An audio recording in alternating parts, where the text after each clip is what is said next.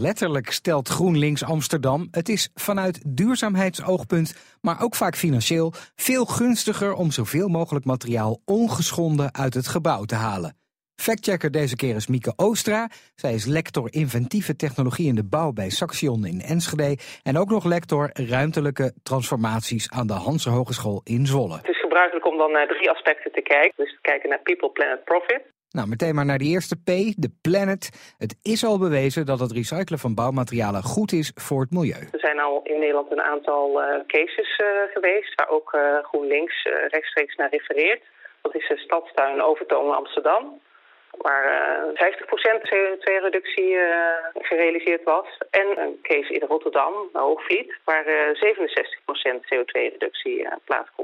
Maar dan de tweede P van profit. Is het niet veel duurder om alles te recyclen? Als we kijken naar die, die pilots, dan zitten de kosten ergens tussen de 10 en, en 15 procent.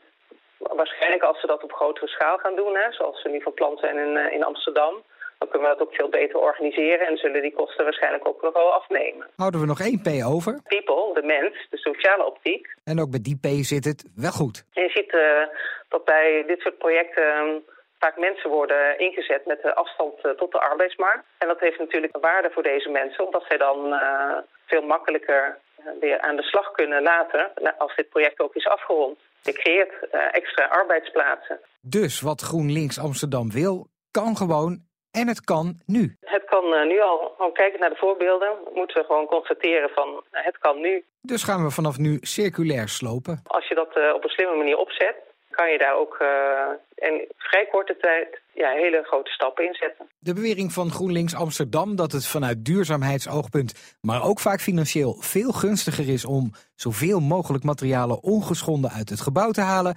beoordelen we dus als helemaal waar.